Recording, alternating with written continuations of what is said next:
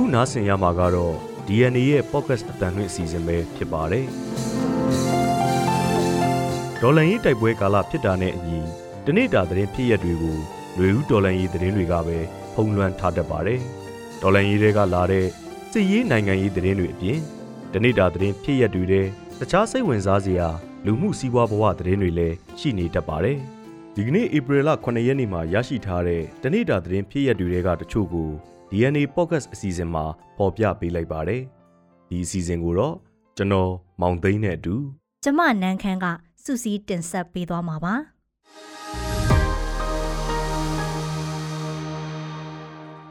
ပထမဦးဆုံးအနေနဲ့လေချောင်းကဇီးနှင်းခံရလို့ပလဲနယ်က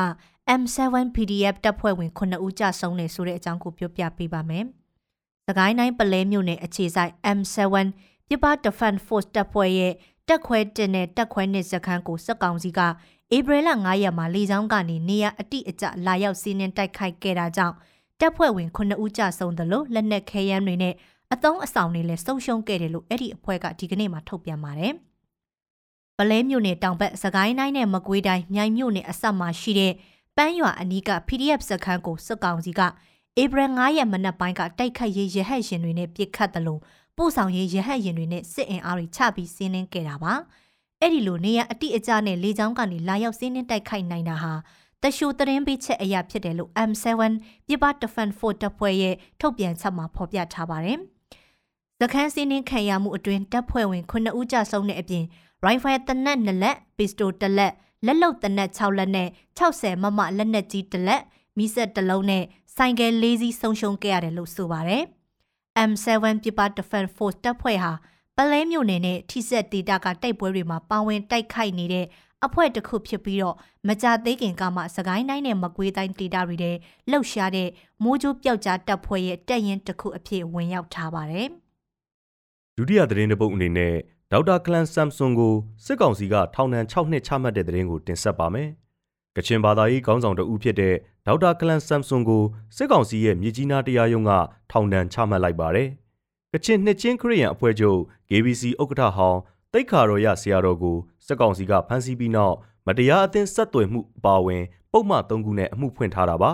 ။ဒီကနေ့မြေကြီးနားတရားရုံးကချမှတ်လိုက်တဲ့ထောင်ဒဏ်6နှစ်ဟာအမှု၃ခုလုံးအတွက်လားနောက်ထပ်အမိန့်ချဖို့အမှုကြံနေသေးလားဆိုတာတော့ရှင်းရှင်းလင်းလင်းမသိရသေးပါဘူး။ KIA အဖွဲ့ထိန်းချုပ်နယ်မြေလိုင်ဇာမှာပြုလုပ်တဲ့ဆွေးနွေးပွဲကို တက်ရောက်ခဲ့တဲ့ဆိုတဲ့ဆွဆွဲချက်နဲ့ဒေါက်တာကလန်ဆမ်ဆွန်ကိုစစ်ကောင်စီက2022ခုနှစ်ဒီဇင်ဘာလဆန်းပိုင်းကမန္တလေးလေဆိပ်မှာဖမ်းဆီးခဲ့တာဖြစ်ပါတယ်။ထိုင်းနိုင်ငံကိုစေကူတာဖို့အသွားမန္တလေးလေဆိပ်မှာဖမ်းဆီးပြီးနောက်ဒေါက်တာကလန်ဆမ်ဆွန်ကိုစစ်ကောင်စီကမိသားစုနဲ့တွေ့ခွင့်မပေးခဲ့ပဲတရားရုံးမှာအမှုရင်ဆိုင်ခြင်းကြမှာတပ်တွေစီးရဲပါဝင်လာတဲ့ဇနီးဖြစ်သူအပါအဝင်မိသားစုနဲ့တွေ့ခွင့်ရခဲ့တာလို့နှီးဆက်သူတွေကပြောပါတယ်။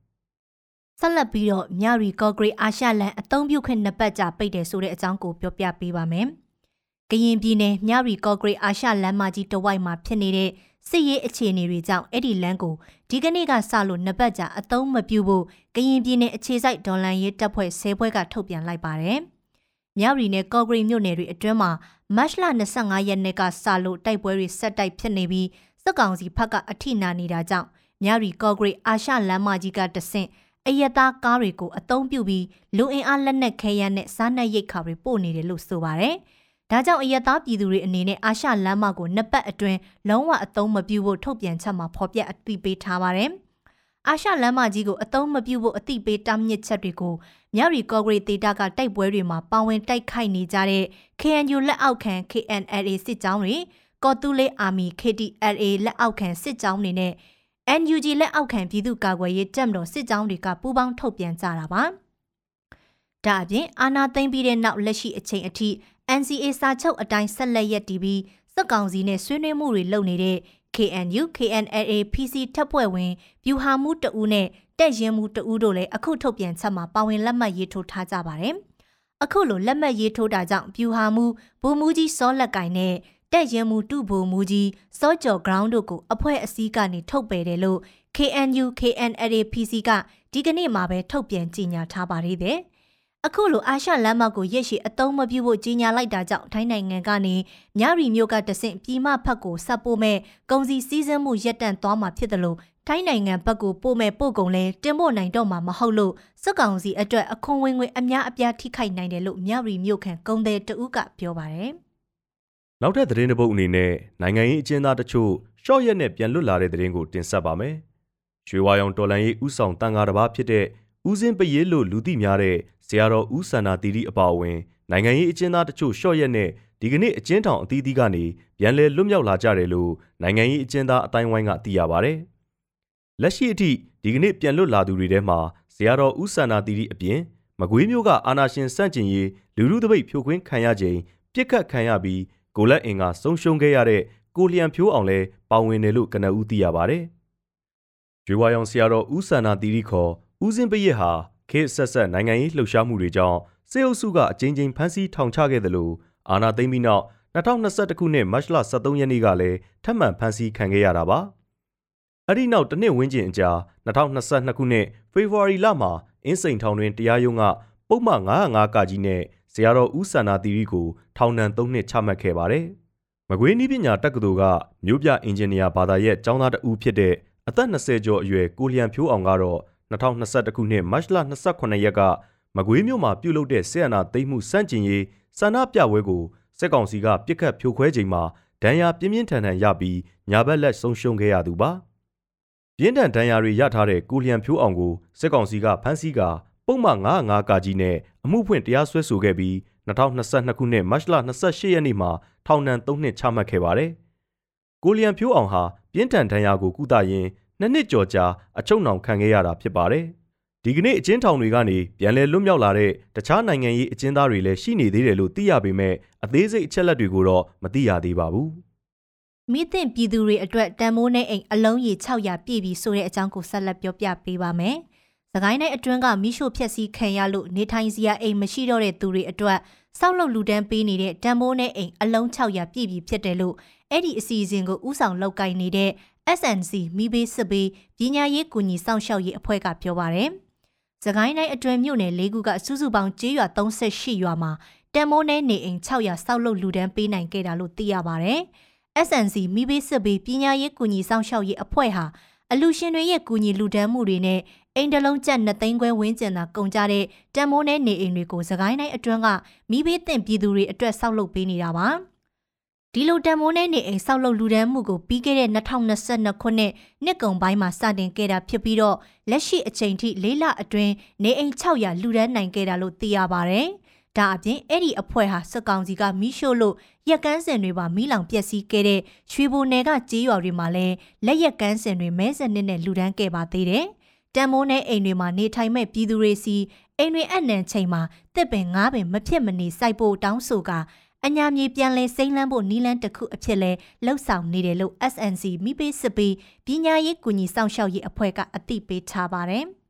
။နောက်ဆုံးသတင်းတစ်ပုဒ်အနေနဲ့တက်တွင်းတကြံမန်တပ်တွေအနီးမသွားဖို့ရန်ကုန်မြို့ပြပျောက်ကြားတွေသတိပေးလိုက်တဲ့သတင်းကိုတင်ဆက်ပေးပါမယ်။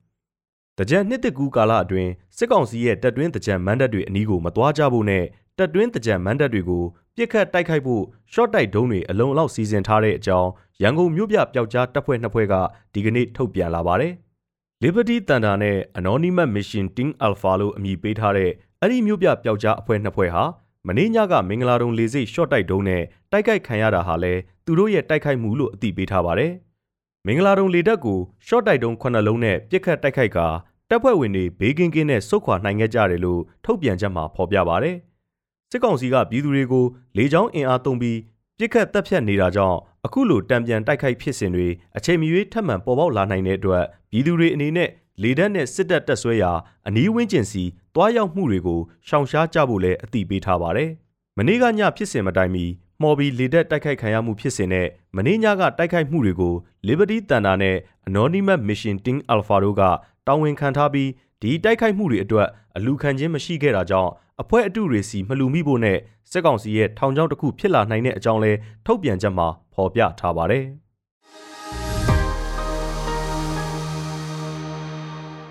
ဆက်လက်ပြီးကလေးတငယ်တွေအပေါ်လိမ်ပိုင်းဆိုင်ရာအကြမ်းဖက်ခံရမှုတွေနဲ့ပတ်သက်တဲ့ ဆောင်ရန်ရှောင်ရန်တွေကိုပြောပြပေးထားပါတယ်။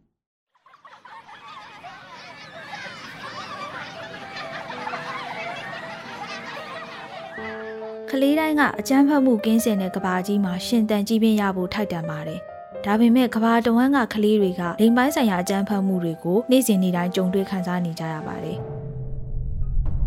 လိမ်ပိုင်းဆိုင်ရာအကြမ်းဖက်မှုလိမ်ပိုင်းဆိုင်ရာနှောက်ယှက်စော်ကားမှုယင်းဤကျွမ်းဝင်သောသူဒါမှမဟုတ်လက်တွဲပေါ်ရဲ့အကြမ်းဖက်မှုလူကုန်ကူးမှုလိမ်ပိုင်းဆိုင်ရာအမျက်ထုတ်မှုအလွဲသုံးစားပြုမှုတက်ငယ်ထိန်ပြမှုစတဲ့ SGVB ရဲ့မတူညီတဲ့ပုံစံမျိုးစုံပါဝင်ပါတယ်။ကလေးတွေအနေနဲ့ဒီလို SGVB အခြေအနေတွေကိုပဋိပက္ခတွေနဲ့စစ်ပွဲတွေကြားမှာပိုပြီးကြုံတွေ့ရလိမ့်ရှိပါတယ်။ဆယ်ကျော်သက်အရွယ်ယောက်ျားလေးတွေဆိုရင်စစ်ပွဲအတွင်းအာဓမစစ်မှုထမ်းစီဖို့အသုံးချခံရပါတယ်။ မိန်းကလေးငယ်တွေကတော့စစ်ပွဲရဲ့ပဋိပက္ခအစွန်းနှစ်ဖက်မှာပါဝင်သူတွေရဲ့လိမ်ပိုင်းဆိုင်ရာအသုံးချခံတွေဖြစ်လာကြရပါတယ်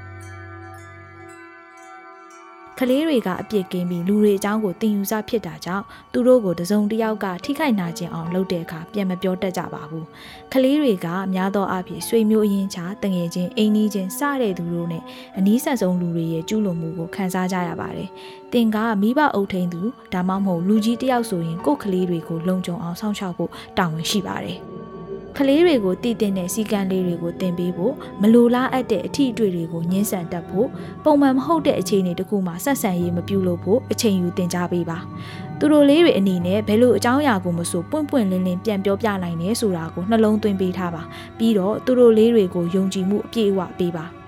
ကျမတို့ရဲ့လူမှုပတ်ဝန်းကျင်မှာရှိတဲ့ကလေးတွေကိုပြုစုဆောင်ရှောက်ဖို့ကျမတို့မှာတာဝန်ရှိပါတယ်။ဒါကြောင့်ကလေးသူငယ်အခွင့်အရေးတွေကိုလေ့လာပြီးကလေးသူငယ်အကြံဖတ်မှုတွေကိုပပျောက်သွားအောင်ကျမတို့နဲ့အတူတွန်းလှန်လိုက်ပါ။ကလေးတိုင်းရဲ့ဘဝလုံခြုံလှပစေဖို့လက်တွဲလှုပ်ဆောင်ကြပါစို့။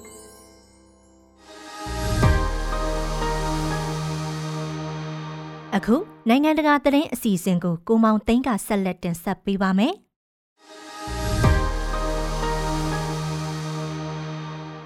ထိုင်းမှာဈေးကြောက်သုံးစွဲမှုကိုရာဇဝတ်မှုအဖြစ်ကနေပယ်ဖျက်လိုက်တဲ့နောက်ဈေးကြောက်နဲ့ဆက်နွယ်တဲ့စီးပွားရေးကဏ္ဍတွေအရှိန်အဟုန်နဲ့တိုးတက်လာမယ်လို့မျှော်လင့်ထားပေမဲ့အတားအဆီးတွေနှောင့်နှေးမှုတွေရင်ဆိုင်နေရသေးလို့ဆိုပါတယ်။ထိုင်းကကဘာလက်ခီးသွားထူထက်ရာဧရိယာတွေမှာဈေးကြောက်သုံးစွဲနိုင်အောင်ရောင်းချပေးတဲ့ဆိုင်လေးတွေထောင်နဲ့ချီပေါ်လာသလိုနိုင်ငံရဲ့စီးပွားရေးအတွက်တစ်ဖက်တစ်လမ်းကအထောက်အကူဖြစ်စေမယ်ဆိုပြီးဝမ်းသာအားရထောက်ခံအားပေးသူတွေရှိနေသလိုကျန်းမာရေးပညာရှင်တချို့နဲ့ အတိုက်ခံနိုင်ငံရေးသမားတချို့ကလည်းဝေဖန်ကန့်ကွက်တာတွေရှိခဲ့ကြပြန်ပါတယ်။ဈေးကြောက်ကိုတရားဝင်သုံးခွင့်ပြုထားတာတစ်နှစ်လောက်ကြာမြင့်လာပြီးတဲ့နောက်မှာတော့အပြောင်းလဲတွေကထင်သလောက်ခရီးမရောက်ဘူးဆိုတဲ့ထောက်ပြမှုတွေရှိလာပါတယ်။ဈေးကြောက်စိုက်ပျိုးထုတ်လုပ်ခွင့်ဆိုင်ရာတရားဝင်မူပေါင်းတွေကိုအပိမတ်တတ်နိုင်သေးသလိုဖေဖော်ဝါရီလမှာလွှတ်တော်မှာအတီမပြုတ်နိုင်ခဲ့ပါဘူး။ရွေးကောက်ပွဲနီးကပ်လာပြီးဖြစ်ပေမဲ့လည်းဈေးကြောက်နဲ့ပတ်သက်လို့အရေးတကြီးပြဋ္ဌာန်းရမယ့်ဥပဒေတွေက လက်ရှိအချိန်ထိအသက်ဝင်မလာသေးတာကိုလည်းဥပဒေပညာရှင်တွေကဝေဖန်ထောက်ပြနေပါတယ်။ပြည်တွင်းမှာဆေးကြောက်စိုက်ပျိုးထုတ်လုပ်မှုတွေရှိလာပေမဲ့လည်းတစ်ဖက်မှာပြည်ပကနေဆေးကြောက်တွေအလုံးရင်းမှောင်ခိုတင်သွင်းနေတဲ့အတွက်ပြည်တွင်းစိုက်ပျိုးသူတွေကိုထိခိုက်စေတယ်ဆိုတဲ့ထုတ်လုပ်သူတွေဘက်ကညှဉ်းညူတမ်းတွေလည်းကျေလောင်လာပါတယ်။ဆိုင်တွေအများများပြီးပစ္စည်းပေါ်လာတဲ့အခါဈေးလဲကျလာပြန်ပါတယ်။ဈေးကြောက်ဆိုင်ရှင်တူကသူ့အနေနဲ့ဈေးကြောက်1ကီလိုဂရမ်ကို ဒေါ်လာ11000ကနေ14000ကြားလောက်ဈေးသက်မှတ်ရောင်းချနိုင်မယ်လို့မျှော်လင့်ကြောင်းရိုက်တာသတင်းဌာနစီပြောခဲ့ပူပါတယ်။လက်တွေ့မှာတော့ဈေးက1ကီလိုဂရမ်ကိုဒေါ်လာ4400အောက်ထိထိုးဆင်းသွားပါတယ်။နောက်ပြီးဈေးကြောက်ကိစ္စဟာထိုင်းနိုင်ငံရေးရဲ့အားပြိုင်ငင်းခုန်မှုတွေမှာလည်းမြေစာပင်အဖြစ်ကြားညက်နေပြန်ပါတယ်။အတိုက်အခံတွေကအစိုးရဟာဈေးကြောက်သုံးစွဲမှုကိုရာဇဝတ်ပြစ်ဒဏ်သတ်မှတ်ချက်ဘယ်ဖြတ်ပေးခဲ့တဲ့ဆိုတာမျိုးက ပေါ်ပင်သဘောလူကြိုက်များယုံလုပ်ခဲ့တာဖြစ်ပြီးတိကျတဲ့အားကောင်းတဲ့ဥပဒေရေးရာကြိုတင်စီမံပြင်ဆင်မှုတွေဘာမှမရှိခဲ့ဘူးလို့ဝေဖန်နေကြပါတယ်။အစိုးရကလည်းသူတို့ဟာဥပဒေပြုရေးကိစ္စကိုအကောင်းဆုံးပြင်ဆင်အားထုတ်ခဲ့ပေမဲ့လွှတ်တော်ထဲမှာအတိုက်ခံတွေကဖျက်လို့ဖျက်ဆီးလုပ်လို့သာကြံ့ကြာနေတာလို့တုံ့ပြန်ထားပါတယ်။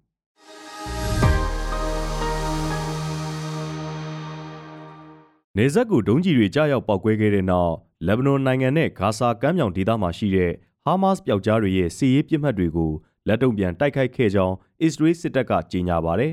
။ဧပြီ6ရက်ကလက်ဘနွန်နဲ့ဂါဇာမှာရှိတဲ့ပါလက်စတိုင်းစစ်သွေးကြွအဖွဲ့ဟာမတ်စ်တွေက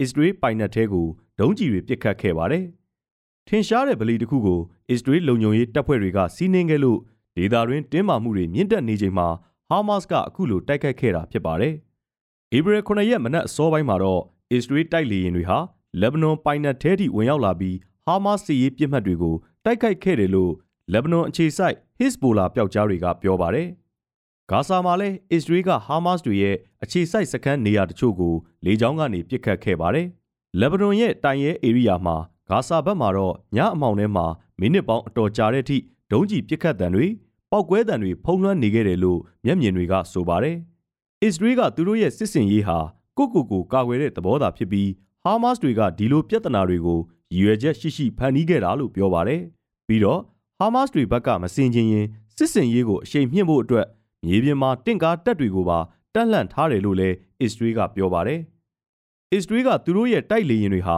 ဟာမတ်စ်တွေရဲ့မြေအောက်ဥမင်တွေတွေ့တန်းထားတဲ့လက်နက်စက်ရုံနှစ်ခုကိုဖျက်ဆီးပစ်ခဲ့ကြောင်းထုတ်ပြန်သွားပါတယ်။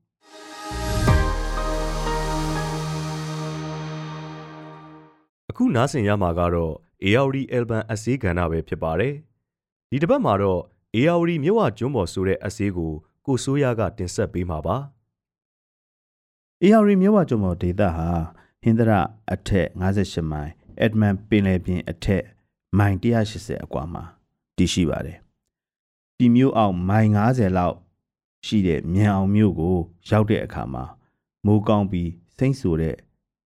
ဒေသမြဝကျွန်းပေါ်အစကို တွေ့မြင်ရမှာဖြစ်ပါတယ်။ AR မြည်ရည်စီးနဲ့အတူနှုံးမြေတွေကိုတည်ဆောင်ရာကတဖြည်းဖြည်းပို့လာပြီးမြေနုကျွန်းပေါ်လာခြင်းဖြစ်ပါတယ်။ AR မြစ်ဟာမြောင်မြို့အောက်နားကစပြီးပသိမ်မြစ်ရန်ကုန်မြစ်ရွေးမြစ်ဖျာပုံမြစ် AR မြစ်မကြီးစတဲ့မြစ်လက်တဲ့များစွာခွဲထွက်ပြီးမုတ်တမပင်လယ်တဲကိုစီးဆင်းပါတယ်။ မြဝကျွန်းမော်ဒေတာမှာမိုးရေချိန်တစ်နှစ်ကို80ကနေ120လက်မအထိမိုးရွာသွန်းလေရှိပါတယ်။လူရေထူထပ်ပြီးပင်လယ်ရေမျက်နှာပြင်အထက်3မီတာခန့်သာမြင့်တဲ့မြေနှိမ်ပေါ်မှာရှိပြီးနှုံးမြေကျွယ်ဝမှုကြောင့်စပားစိုက်ပျိုးရမှာအောင်မြင်ဖြစ်ထွန်းပါတယ်။နွေရာသီရောက်လို့အေယာရီမြစ်ရေကျဆင်းသွားတဲ့အခါမြေနူကျွန်းတွေတောင်ပြင်တွေမှာကိုင်းတီးနှံတွေဖြစ်တဲ့ပဲပြောင်း ငရုတ်ကြက်သွန်တွေအပြင်ဆေးရွက်ကြီးပင်တွေလည်းအောင်မြင်ဖြစ်ထွန်းပါတယ်။ AR မြဝကျွန်းပေါ်ဒေသမှာမြေချောင်းတွေပြည့်နှက်နေတဲ့အပြင်မြေကျိုးအင်းတွေအိုင်တွေပေါ်များတာကြောင့်တငါလုပ်ငန်းနဲ့လည်းအသက်မူဟန်ကြောင်းကြပါတယ်။တငါလုပ်ငန်းကြောင့်ငါငပိငချောက်တွေပေါ်များစွာထွက်ရှိပါတယ်။ဒေသတွင်နေထိုင်ကြသူတွေဟာဗမာလူမျိုးတွေသာမကကရင်လူမျိုး မွန်လူမျိုးနွယ်များလည်းနေထိုင်ကြပါတယ်။ကရင်နာမည်မွန်နာမည်နဲ့မြို့ရွာတွေလည်းပေါ်များပါတယ်။ဒေသတွင်းပေါက်ရောက်တဲ့အပင်နာမည်တွေဟာလည်းရှေးရခင်ကမွန်တွေနေထိုင်ခဲ့ဘူးတာကြောင့်မွန်တန်ပါတဲ့အခေါ်အဝေါ်တွေရှိပါတယ်။စာရေးဆရာကြီးတိုက်စိုးကမြဝကျွန်းမောဆိုတဲ့စာတစ်ပိုက်ရေးသားခဲ့ရမှာအောက်သားတွေကြားပြန့်နှံ့နေခဲ့တဲ့အပင်နာမည်တွေနဲ့ပတ်သက်တဲ့ပြက်လုံးတစ်ခုကိုထည့်သွင်း ရေးသားခဲ့ပါတယ်။ရှေးခါကအထက်အညာဒေသကဘုံကြီးတစ်ပါးဟာလှေကြုံလိုက်ပြီးအောက်ပြည်မှာအခြေချဖို့ကြွချီပါတယ်။မြဝကျွန်းမဒေသကိုရောက်တဲ့အခါလှေပေါ်ကဟိုကြည့်ဒီကြည့်ကြည်ရင်ရေလေကောင်ကတောင်ဖွေးဖွေးကိုမြင်ပြီးလှေထိုးသားကိုအဲ့ဒါဘာလဲတကားရဲ့လို့မေးပါတယ်။လှေထိုးသားကအဲ့ဒါလရာပါလို့ပြန်ဖြေပါတယ်။လှေကိုဆက်လှော်လာရင် တစ်ပင်တပင်တွေ့တဲ့အခါဘုန်းကြီးကအဲ့ဒါဘာပင်လဲလို့မေးပြန်ပါတယ်လေထိုးသားကလမှုပင်မှာဖျားလို့ပြန်လျှောက်ပါတယ်ဘုန်းကြီးလဲလက်တာလမှုလို့အခါခါရွတ်ခါဒေသီယစကားအစ်စ်တွေကိုမှတ်ရင်းလှေပေါ်လိုက်လာပါတယ်တက်နေကလေးအတော်ရင့်လာတော့ဘုန်းကြီးကလှေကိုကန့်ကက်ခိုင်းပြီးစွန့်စားဖို့ပြင်ပါတယ် တခါရေးရှေ့ကအပင်လေးမှာလှေကိုချီးကွယ်လို့ဘုန်းကြီးကဆိုတဲ့အခါလှေထိုးသားကတဲတဲကွယ်ကွယ်မကြားလိုက်တဲ့အတွက်အရှင်ဖေဟာဘယ်အပင်မှာချီရမှာလဲလက်မဲ့ပင်မှာလားလို့ပြန်မေးလိုက်ပါတယ်လာတန်တွေကြီးကြားနေရတဲ့ဘုန်းကြီးဟာစိတ်တူလာပြီးအေးအေးလက်မဲ့ပင်မှာလက်လှီဆိုင်ပြီးလက်စွန်းဖုံးပေးမယ်လို့ဆိုလိုက်ပါတော့တယ်မြဝကျွန်းပေါ်မှာမုတ်တုံရသည်ဆိုမိုးများပါတယ်အောက်တိုဘာလလယ်ကနေ ဖေဖော်ဝါရီလလယ်အထိ AB 6တွေ့နေတတ်ပါတယ်။ AB လလယ်နဲ့မေလတွေမှာတော့မိုးသက်လေပြင်းတွေနဲ့အတူ မုတ်တုံကြိုးလေးရှိပါတယ်။မြဝကျွန်းမော်ဒေသရဲ့ရေတန့်စင်မှုဟာအစောပိုင်းသဘာဝအရင်းအမြစ်တွေနဲ့ပတ်ဝန်းကျင်ဆိုင်ရာထိန်းချုပ်မှုမှာအားနည်းတာကြောင့် pH အတိုင်းအတာမှာအကာလီသဘာဝရှိတဲ့အတိုင်းအတာမှာရှိနေပါတယ်။ကံဝရန်ဒေသတွေမှာဓနိနဲ့လက်မှုပင်တွေသဘာဝအလျောက် ပေါက်ရောက်လေရှိပါတယ်။2008ခုနှစ်မေလ2ရက်နေ့မှာတိုက်ခတ်တဲ့နာဂစ်မှုန်တိုင်းကြောင့်လက်မှုတော်နဲ့တစ်တော်တွေများစွာပျက်စီးခဲ့ရပါတယ်။မြဝကျမော်ဒေသရဲ့အသက်မူဝမ်းကြောင်းမှုဆက်လက်ရှင်သန်ဖို့ရာမြေချောင်းအင်းအိုင်တွေနဲ့ကံရိုရန်ဒေသတွေရဲ့ပတ်ဝန်းကျင်ထိမ့်သိမ်းရေးဟာအရေးကြီးပါတယ်။တစ်ပင်တွေကိုစင်ကျင်မဲ့ခုတ်တာမြစ်တွေမှာစီကမ်းမဲ့သဲတွေကြောက်တွေစုပ်တာ ချောင်းတွေမြောင်းတွေကိုတမန်တုပ်ငါးဖမ်းတာတွေဟာကြားလာရင်ဂေဟစနစ်ကိုပျက်စီးစေပြီးလူတွေရဲ့တံမွေးဝမ်းကြောင်းမှု ရှင်သန်နေထိုင်မှုကိုပါ ထိခိုက်စေမှာဖြစ်ပါတယ်။အရာရီမြဝကျွမော်ဒေတာဟာအပြိုစင်လေးမဟုတ်တော့တဲ့တိုင်အောင် အလှမပြက်အောင်တော့ဝိုင်းဝန်းစောင့်ရှောက်ကြရအောင်ပါ